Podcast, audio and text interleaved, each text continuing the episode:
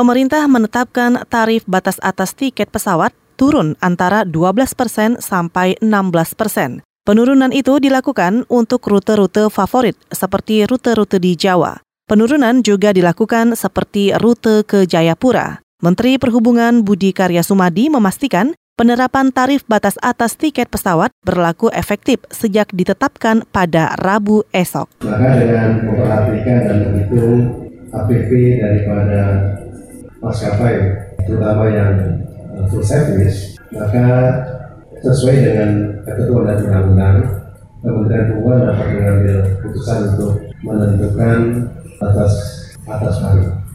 Menteri Perhubungan Budi Karya Sumadi juga meminta supaya semua maskapai bertarif rendah atau low cost carrier menurunkan tarif batas atas tiket pesawat pada rentang 50 persen dari ketentuan tarif batas atas. Hal ini menurut Menteri Perhubungan supaya masyarakat mendapat layanan tarif yang terjangkau. Kepada maskapai yang tidak mengikuti ketetapan tarif batas atas tiket pesawat, Kementerian Perhubungan siap memberi sanksi.